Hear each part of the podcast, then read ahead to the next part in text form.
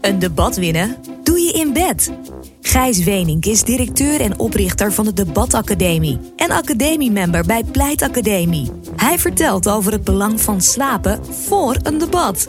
Over je rustgebruik om opgelopen trainingsschade te herstellen en jezelf te verbeteren. Maar ook over je opponenten of toehoorders uitputten.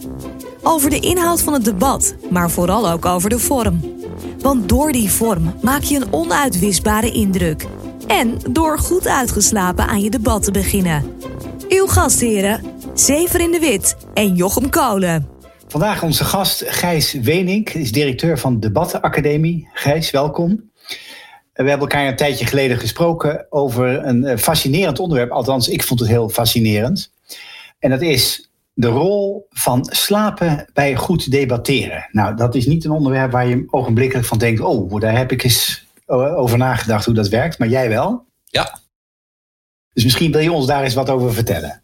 Ja, uh, ik zal eerst even mezelf uh, voorstellen. Um, even kijken, ik ben opgegroeid in, het, in Friesland en heb gestudeerd in Tilburg. Daar heb ik een studentendebatclub opgericht. En heel snel werd ik gevraagd om trainingen te geven en debatten te leiden. Gevolgens dat nooit meer ben afgestudeerd. Uh, al 30 jaar de Europa-reis. En tot nu toe in 21 landen debatten heb mogen leiden. En trainingen heb mogen geven een gegeven moment ben ik naar Amsterdam gegaan en heb daar mijn business verder uitgebouwd. En uh, sinds een hele lange tijd leid ik lagerhuisdebatten binnen bedrijven en ministeries. Tegenwoordig ook online. En geef ik heel veel training op het gebied van debatteren, speechen, speechen als Obama. En um, af en toe onderhandeltraining of presentatietraining. En dus dat is wie ik ben. En tegenwoordig woon ik met mijn gezin in Alkmaar. Um, over slapen, ja. Nou, we beginnen maar met Joop Zoetemelk. De grote wielrenner. Nederlands beste wielrenner ooit, geloof ik. Tweede in de Tour de France geworden een aantal keer. Heeft zelfs één keer gewonnen. Ja, heeft zelfs één keer gewonnen. die zei, de Tour de France win je in bed. En het is eigenlijk heel simpel. De wielrenner die tijdens de Tour de France het meeste slaapt... zal hoogstwaarschijnlijk het hoogste eindigen in de competitie. Dat geldt niet alleen voor wielrenners. Ik denk dat dat voor heel veel sporters geldt. Maar dat geldt ook voor sprekers en debaters. ik werd daarop gewezen in de jaren negentig al door Frits Bolkestein. De, toen de grote leider van de VVD. die bracht de VVD van een nou, klein, niet al te grote partij naar 38 zetels bij de verkiezingen in 1998. Zo groot waren ze toen nog nooit geweest.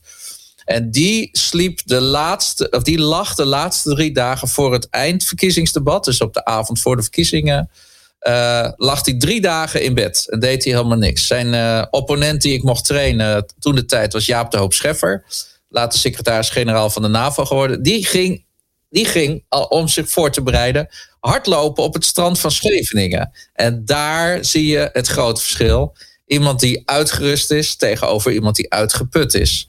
En de uitslagen laten zich uh, raden. Dus daar, uh, daar werd ik uh, getriggerd. ik ben daar wat meer onderzoek naar gaan doen. En toen zag ik al heel snel, ehm, of ja, heel snel. Ik werd door professor Dr. Anne van der Meijden erop gewezen dat de heer Adolf Hitler nooit voor negen uur s avonds sprak. Dus overvolle sportstadions met mensen. Er werden daar trouwens voor het eerst ook boksen gebruikt. Dus het, het gejuich werd opgenomen en opnieuw over het gejuich van het publiek heen gezet. Dat, uh, dat deden de nazi's als eerste. En dat werd op de bioscoopjournalen uitgezonden. En daar hadden mensen iets, wat gebeurt hier? Dit is wel heel bijzonder.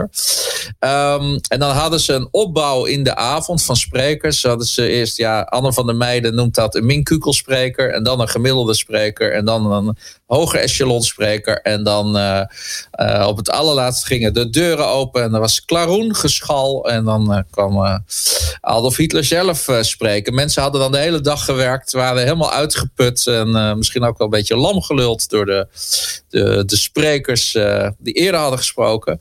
En dan weet je nog dieper de emotie te raken. Dus het is niet alleen dat je zelf uitgeslapen moet zijn, maar dat je ook op een moment moet spreken dat de rest uh, bijna uitgeput is. En dan kom je veel dichter bij de emoties van mensen en dan raak je ze veel dieper. En dus dat is dus je, je timing is, maakt een verschil. Dus advies aan Mark Rutte en, en Hugo de Jonge is hou die persconferentie s'avonds na negen uur dan, uh, dan zullen mensen nog uh, ja, dichter uh, de emoties geraakt worden. Maar wel voor tien uur graag. En dan wel, nee, we hebben avondklok. ja, dat bedoel ik. maakt niet uit, maakt niet uit. Dus, ehm, dus je timing, je uitgeslapen zijn, maakt heel veel uit. Ik heb ehm, ooit ook uh, 2017 Gert-Jan Segers mogen trainen van de ChristenUnie als uh, lijsttrekker. Hij was voor het eerst lijsttrekker. En, en, um, en in het einddebat kwam hij en tegenover Wilders en Rutte te staan. En toen zei ze campagneleider. En daar moeten we nu uh, Gijs uh, inhuren om, om, om optimaal voorbereid op dat debat te zijn. En dat, dat hebben we ook gedaan. We hebben, hij had zeven media, grote media-optredens, verkiezingsdebatten. Onder andere bij uh, Nieuwsuur en um, allerlei andere programma's. En dan gingen we s ochtends trainen. Smiddags sliep hij uh, in een hotel. En s'avonds kwam hij op tv. En zo bereiden we dat heel goed voor. En in het einddebat was dat heel goed te zien. Um, toen zag je echt en Pechtold en van, van Haarsma Buma echt in dat einddebat echt door het ijs zakken. Die stortte gewoon bijna fysiek in. Pechtold zag eruit alsof er. Uh, zijn ogen die waren helemaal nou, een soort van gebroken. Het leek net alsof er uh, een nabij familielid net was overleden. Dat, dat was zijn nou ja, uitstraling. En, en van Haarsma Buma, die, nou, die, die, was ook helemaal op. En dat zag je, je zag hem in het debat echt helemaal wegglijden. De laatste tien seconden van het debat zag je dat. Uh, gebeuren. En, uh, nou ja, en, en, en uh, Segers stond daar fris als een hoentje. En die Pechtold, die had smiddags nog op het station van Leiden lopen flyeren. Dat, dat heb ik gezien. En op dat moment lag Segers te snurken. Ja, want Gijs, jij hebt het nu heel erg over slapen versus niet slapen. Uitgerust zijn versus niet uitgerust zijn. Het klinkt toch een beetje alsof het vooral dat niet uitgeruste is wat ervoor zorgt dat je niet goed scoort in je debat. Dat klopt, uh, dat, is, dat is helemaal waar. En dat is ook, uh, ja, dus, dus niet uitgerust zijn, dat kost je, ja, dat kost je de kop. Ja, dus als je het hebt over slapen en debatteren, dan is het met name zo dat je uitgerust moet zijn. En, en, als, en als slapen voor jou de manier is om dat te bereiken, dan is dat, dan is dat een goede. Maar ik kan me ook voorstellen dat zo'n hardlooprondje over het strand toch ook wel zorgt dat je hoofd leeg is. Of, of zie ik dat verkeerd? je hoofd is wel leeg, maar je lichaam uh, kan moe zijn, zeg maar. Dus je, je hebt gewoon, uh, ja, uh, ja je put jezelf ook op bepaalde manieren uit als je aan het, aan het sporten bent. Ik heb ook begrepen, mijn zwager is topsporter geweest, Jacco Jan Leewang, heeft ooit een wereldrecord gereden op de 1500 meter. Dat rusten en pauzeren eigenlijk belangrijker is dan trainen. Dus dat, uh, dat dat lichaam zich uh, zeg maar herstelt. In wezen, als je aan het sporten bent, dan maak je iets kapot, de spieren sloop je iets. En die moeten zich herstellen. En dat herstellen, dat, uh, dat is gewoon misschien nog wel belangrijker. Er is nog wel een ander voorbeeld wat ik wil noemen. Ik heb vroeger voor een communicatiebureau in Den Haag, Schuttelaar Partners, heel veel maatschappelijke debatten, maatschappelijk café geleid. En lagerhuisdebat, meestal s'avonds tussen 7 en 8. Dan hadden ze sprekers tussen vijf en zes middags. En dan daarna een buffet en daarna een laaghuis, daarna een borrel in Nieuwsport. Altijd 200 mensen, altijd over een actueel onderwerp of wat over een jaar actueel zou worden. En uh, in, die in die dagen was ik uh, nog vrijgezel. En dan zorgde ik dat ik tot, eh, tot één uur in mijn nest lag. En dan ging ik heel langzaam opstaan. En een beetje douchen, een beetje ontbijten. En dan stapte ik eens om drie uur in mijn auto. En dan kwam ik om vier uur aan in Den Haag. En dan om vijf uur begon het programma. En iedereen die er was, uh, hoge ambtenaren van ministeries, mensen uit het bedrijfsleven, mensen uit de actiewereld, die hadden al een hele dag gewerkt. En ik, uh, ik, stond, ik stond zo fris als een hondje. En ik hoefde eigenlijk niet heel veel te doen, behalve er te zijn, zeg maar.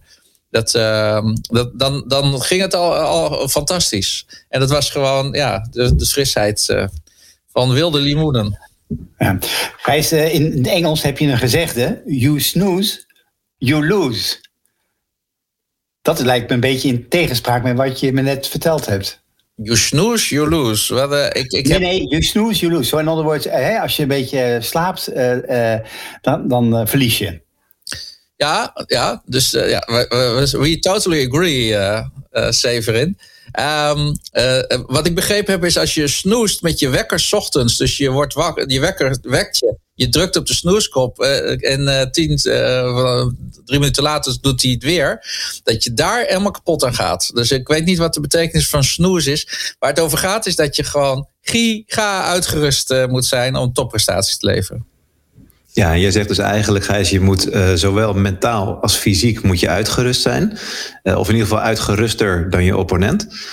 En um, is, eh, je noemde net al eventjes dat jij dan uh, zelf, als je de mogelijkheid uh, hebt of had, tot laat in je bed ligt, zodat je fris daar ten tonele verschijnt. Weet jij of dat ook in de televisiewereld bijvoorbeeld veel gebeurt? Ligt iemand als Bo of Humberto Tan die laat presenteren, liggen die ook lang in hun bed? ik, ja, maar die gaan dan ook laat naar bed. Want zo'n talkshow is natuurlijk geweldig. Maar na die talkshow is er altijd een, een borrel. Ik heb dat een paar keer mogen meemaken. Dus die mensen liggen niet voor drie uur in een nest. En die zijn dan ook nog helemaal hyper de pieper. Uh, dus voordat ze slapen. Dus die moeten echt wel een soort uh, inhaalslag doen. En ja, alle radiomakers die de ochtendshows doen, die zitten ook allemaal van ja, ja, ik moet wel om negen uur s'avonds te bed. En anders is mijn ochtendshow een drama. Dus uh, het, het, het, het, speelt wel, ja. Heb je, uh, Gijs, heb je wel eens, men, of ken je mensen die er proeven mee gedaan hebben? Dus slaapdeskundigen, zal ik maar zeggen? Nee, die, die ken ik niet. ik weet wel dat, ehm, dat slapen wel een, heel, een hele gezonde activiteit is. Niet alleen voor nou ja, fysiek en aanwezig zijn, zeg maar. Maar ook dat je s'nachts je hersenen repareren. Daar, heb ik dus wel een onderzoek van gezien. Dat ging over. Hadden ze uh, skiers en die hadden ze op een ski-machine. Dat was een apparaat met een beeldscherm. En dan ging je van de berg af. En je stond op een, op een, een platform. En die zat aan een stang. En je kon heen en weer skiën. Dus echt bewegen alsof je aan het skiën was.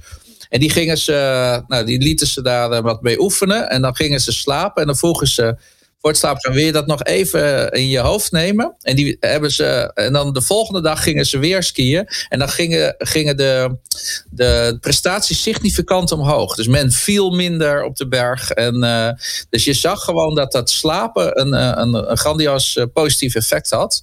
En ze hebben op een gegeven moment ook tijdens die test ook mensen s'nachts wakker gemaakt. En gevraagd ben je toevallig gaan dromen over skiën? Ja, ja. Waar zit je nu? Ja, in de derde bocht. Uh, en het blijkt dus dat de hersenen zijn zichzelf s'nachts aan het verbeteren. Dus dat is nog een extra reden om veel en goed te slapen.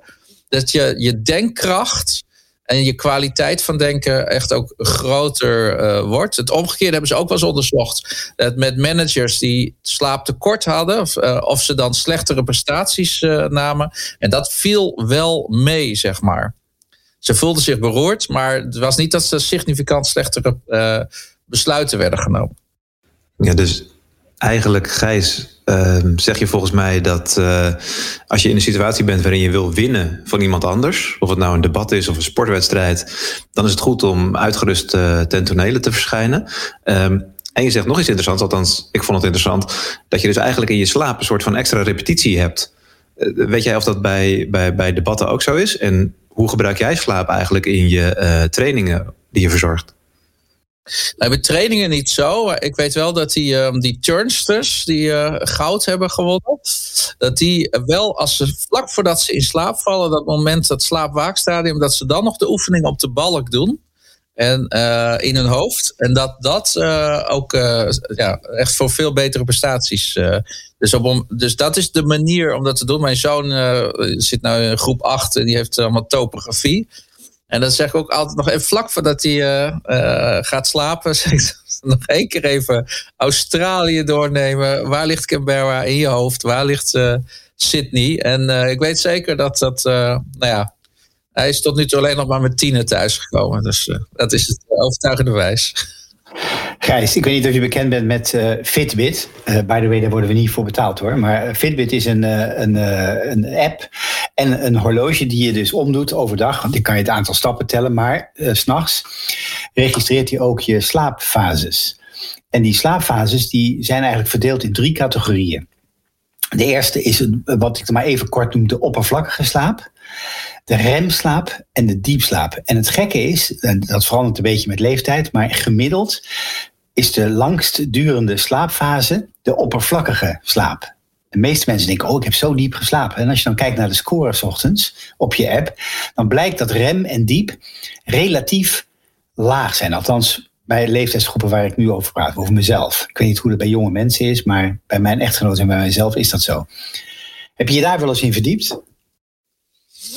Um, ja, het, het, is, was het niet die remslaap die uh, juist zorgt dat je uitgerust uh, bent? De, ja, het eye movement uh, periode. Rapid, rapid eye movement, rem. Ja, dat die het, het, belangrijkste is. en ik denk ook in het verwerken van trauma's. Want bij EMDR dan doen ze ook, in wezen doen ze die ogen na.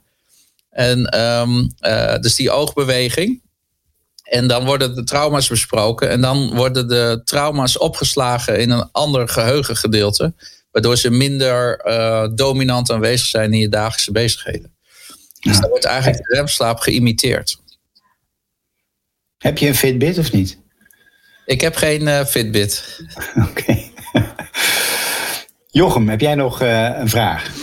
Nou ja, ik ben wel heel nieuwsgierig. Want het klinkt wel alsof dit uh, slapen en uh, dan ook met name de toestand van onze hersenen als we slapen, als we in een bepaalde slaapfase terechtkomen. Alsof we daar heel veel voordeel uit kunnen halen. Ik bedoel, we hebben het nu over debat. We hebben het over winnen, we hebben het over opponenten verslaan. Maar goed, daar zijn we natuurlijk op heel veel momenten van de dag mee, mee bezig. Dus ik ben best wel nieuwsgierig, ook uh, Gijs, wat jij daarin ziet voor, uh, voor toekomst, voor, voor, voor jezelf, maar misschien ook wel voor, voor anderen. Um, wat, wat kunnen we daar nog allemaal winnen en, en, en wat zijn jouw plannen op dat, uh, op dat vlak? Ja, kijk, ik ben natuurlijk debatdeskundige, en dus je hebt het over debat, maar het geldt ook voor een hele belangrijke vergadering of een hele belangrijke onderhandeling of een hele belangrijke presentatie op een internationaal congres. Dus, momenten waar het heel belangrijk is, is natuurlijk belangrijk dat je fris en fit uh, uh, moet zijn. En um, ja, iets anders eh, in mijn training speech als Obama zit, dat je een nieuwe speech, dan ben je het, een goede speech, ben je 20 uur aan het voorbereiden. En vaak zeggen mensen, daar heb ik helemaal de tijd niet voor.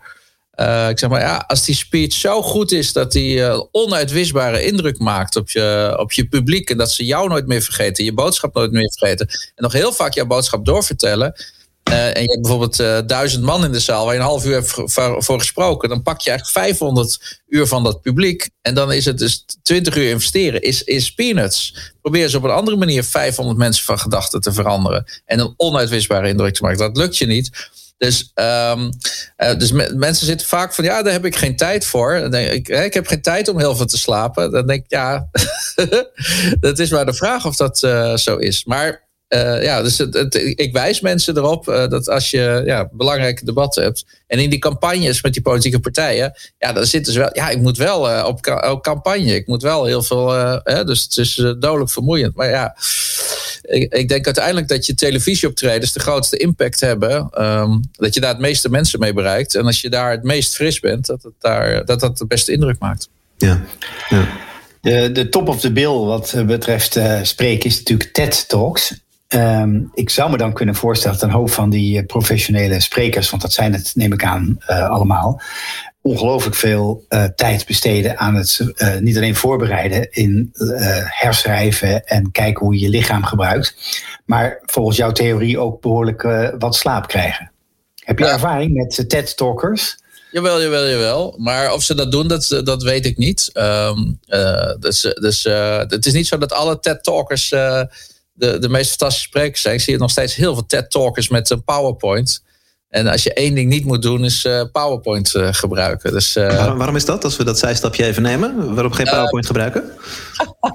er zijn een paar dingen. Als je tekst op PowerPoint zet, dan, um, dan gaan, wil niemand wat missen. En iedereen gaat als een dolle lezen. Wat, een, wat mensen niet kunnen, is luisteren en lezen tegelijk.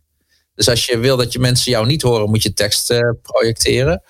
En dan uh, zeg maar, hey, maar ik doe afbeeldingen. Um, maar dat is, uh, het mooiste is als je zo beeldend spreekt, dat mensen de afbeeldingen in hun hoofd hebben. Dus als ik zeg, een vervallen stationnetje op het Franse platteland, dan zit die in je hoofd. Als je daar een foto van laat zien, dat is een beetje het verschil tussen heb je de roman gelezen of heb je de film gezien. Bij die roman heeft dat in je hoofd echt een grote indruk gemaakt. Als je de film, ja, de film viel toch altijd een beetje tegen. Ja, dan worden de beelden voor jou gemaakt.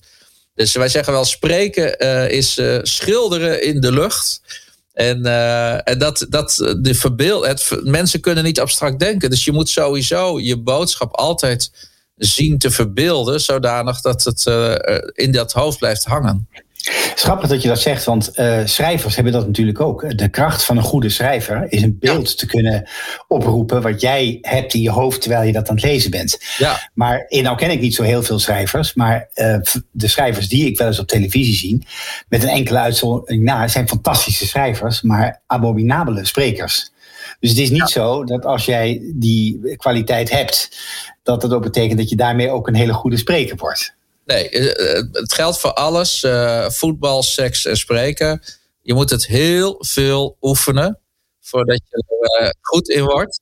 hoe meer je oefent, hoe beter je wordt. En 2000 jaar geleden heeft een, een Quintilianus een boek geschreven. De opleiding tot redenaar. En dat is zeg maar de spreekbijbel. Daar heeft 2000 jaar communicatiewetenschap nooit iets aan toe weten te voegen. En die zegt de opleiding tot redenaar duurt ongeveer 70 jaar. oh, dan heb ik nog hoop. Dat is ook de reden waarom Amerikaanse presidenten allemaal 70 plus zijn voordat ze president worden. Dan beland je in het stadium van uh, het, uh, ja, het, grote, het grote spreken. En dan weet je eindelijk wat je wel moet doen en wat je niet uh, moet doen. En onder je 70 is het altijd nog ja, een groot risico tussen gek en geniaal. Dat, uh...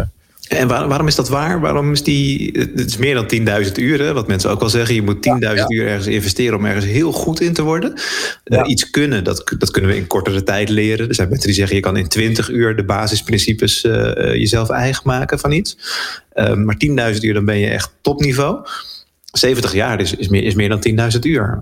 Waar komt dat door? Ja, ja, spreken is uh, voor een groep performen is gewoon vreselijk moeilijk en ingewikkeld en angstaanjagend. Uh, in 1973 hebben ze op Manhattan straatinterviews gehouden. Dat was voor jouw tijd, Jochem. En dan vroegen ze aan mensen: wat is je grootste angst? 73% van de respondenten, nummer één antwoord: spreken voor groepen. Verderop kwamen vliegtuigongelukken, de dood, uh, kanker, uh, enge dieren enzovoort. Dus de ultieme angst voor mensen is om voor een groep te spreken. De ongetrainde spreker ligt er drie weken wakker van. Nou, we hadden het net al over gehad. Wat er gebeurt als je wakker ligt. En uh, dat vraagt heel veel training. In de Anglo-Saxische landen wordt op de basisschool public speaking gegeven. Op de middelbare school doen ze aan drama, maar daar is ook een debatingclub. In die landen is sporten heel belangrijk. En als je nou niet zo goed in sport bent, dan ga je bij de debating club en dan uh, train je daar. En dat doe je ook nog eens een keer op de universiteit. En dat is dus, uh, dus die mensen hebben ja, 15 jaar training achter de rug voordat ze überhaupt iets in de samenleving gaan doen. Je bracht net een interessant punt, uh, en misschien dat we daarmee kunnen afsluiten. Een interessant punt aan de orde. En dat is het verschil tussen de Anglo-Saxische opleiding en de meer continentale opleidingen, zoals in Nederland. Waar, laat ik zeggen, de aandacht voor het spreken in het publiek, het spreken in het algemeen, uh, veel meer wordt onderwezen dan uh, in de continentale uh, systemen. is dat ook jouw ervaring? En als het jouw ervaring is, wat kunnen we erin? wat, wat zou jij zeggen dat we eraan moeten gaan doen? Ik zal eerst behalve, even, behalve meer slapen. In de Anglo-Saxische landen is onderwijs vooral gericht op vaardigheden. High school, daar leer je vooral vaardigheden. Daar leer je geen inhoud. Wereld, op de wereldranglijst wiskunde staan ze de high school uh, scholieren op 73 uh, naar Zimbabwe.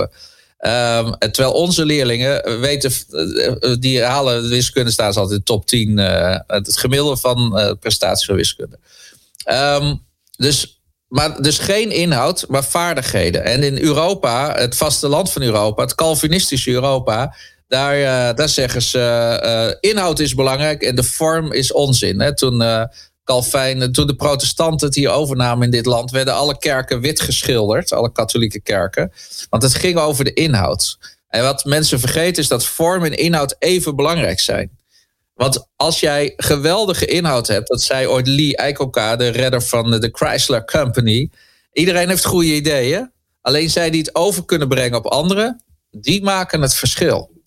Dus in Nederland, uh, om maar iets te noemen, er is een, altijd een, een, uh, een pleitcompetitie tussen Vlaamse en Nederlandse studenten. Die Nederlandse studenten zijn inhoudelijk veel beter. Die kennen de wetten beter, enzovoort, enzovoort. Maar die Vlamingen, die winnen altijd. Ja? En dat is op het mooie, goed geformuleerde, prachtige taalgebruik. En dan gaat elke rechter voor door de knieën. Als iets mooi geformuleerd is, dan wordt het sneller geloofd, wordt het beter onthouden en wordt het beter doorverteld. Dus de vorm is even belangrijk als de inhoud. En daarnaast is het ook nog zo dat de boodschapper is de helft van de boodschap. Dus de boodschapper en de boodschap zijn even belangrijk. En dat betekent dat hoe meer je van jezelf laat zien, hoe beter mensen jou kunnen verstaan. Mooi voorbeeld, een paar jaar geleden, Eva Jinek lekte beelden uit van vlak voordat ze het journaal moest presenteren. Zij ordende haar blouse en uh, ze zei dan, als die blouse te ver open is, dan belt mijn moeder. Ik zie je borsten en dit en dat. Dat lekte uit. Dat vond ze verschrikkelijk. Ze kwam in de wereld rijdt door met schaamrood op de kaak. Oh, oh, hebben al honderdduizend mensen dat gezien. Maar dat was de defining moment. Dat was het moment dat de journaallezeres Eva Jinek transformeerde voor ons tot een talkshow-host. Toen gingen we van haar houden. We zagen daar de echte, authentieke, eerlijke, kwetsbare, krachtige Eva Jinek. Dat was haar springplank naar succes. Dus hoe meer je van jezelf laat zien, hoe overtuigender, krachtiger en geloofwaardiger je wordt. Gijs, het lijkt me een prachtige afsluiting van ons uh, gesprek. We hebben het over vele aspecten gehad. Uh, slapen in het, uh, vooral in het, in het, als belangrijkste, maar ook andere facetten. ik ben er vergeten erbij te zeggen dat je naast de Bad Academie ook een Academy member bent van Pleit Academie, waar we elkaar van kennen. waar we uiteraard uitdragen dat de inhoud belangrijk is, maar de vorm zeker zo belangrijk en misschien zelfs onder sommige omstandigheden nog belangrijker. Bedankt dat je vandaag voor ons beschikbaar was. Jochem en ik hebben genoten van je uiteenzetting en uh, spreek je graag nader. Dankjewel Gijs. Graag gedaan.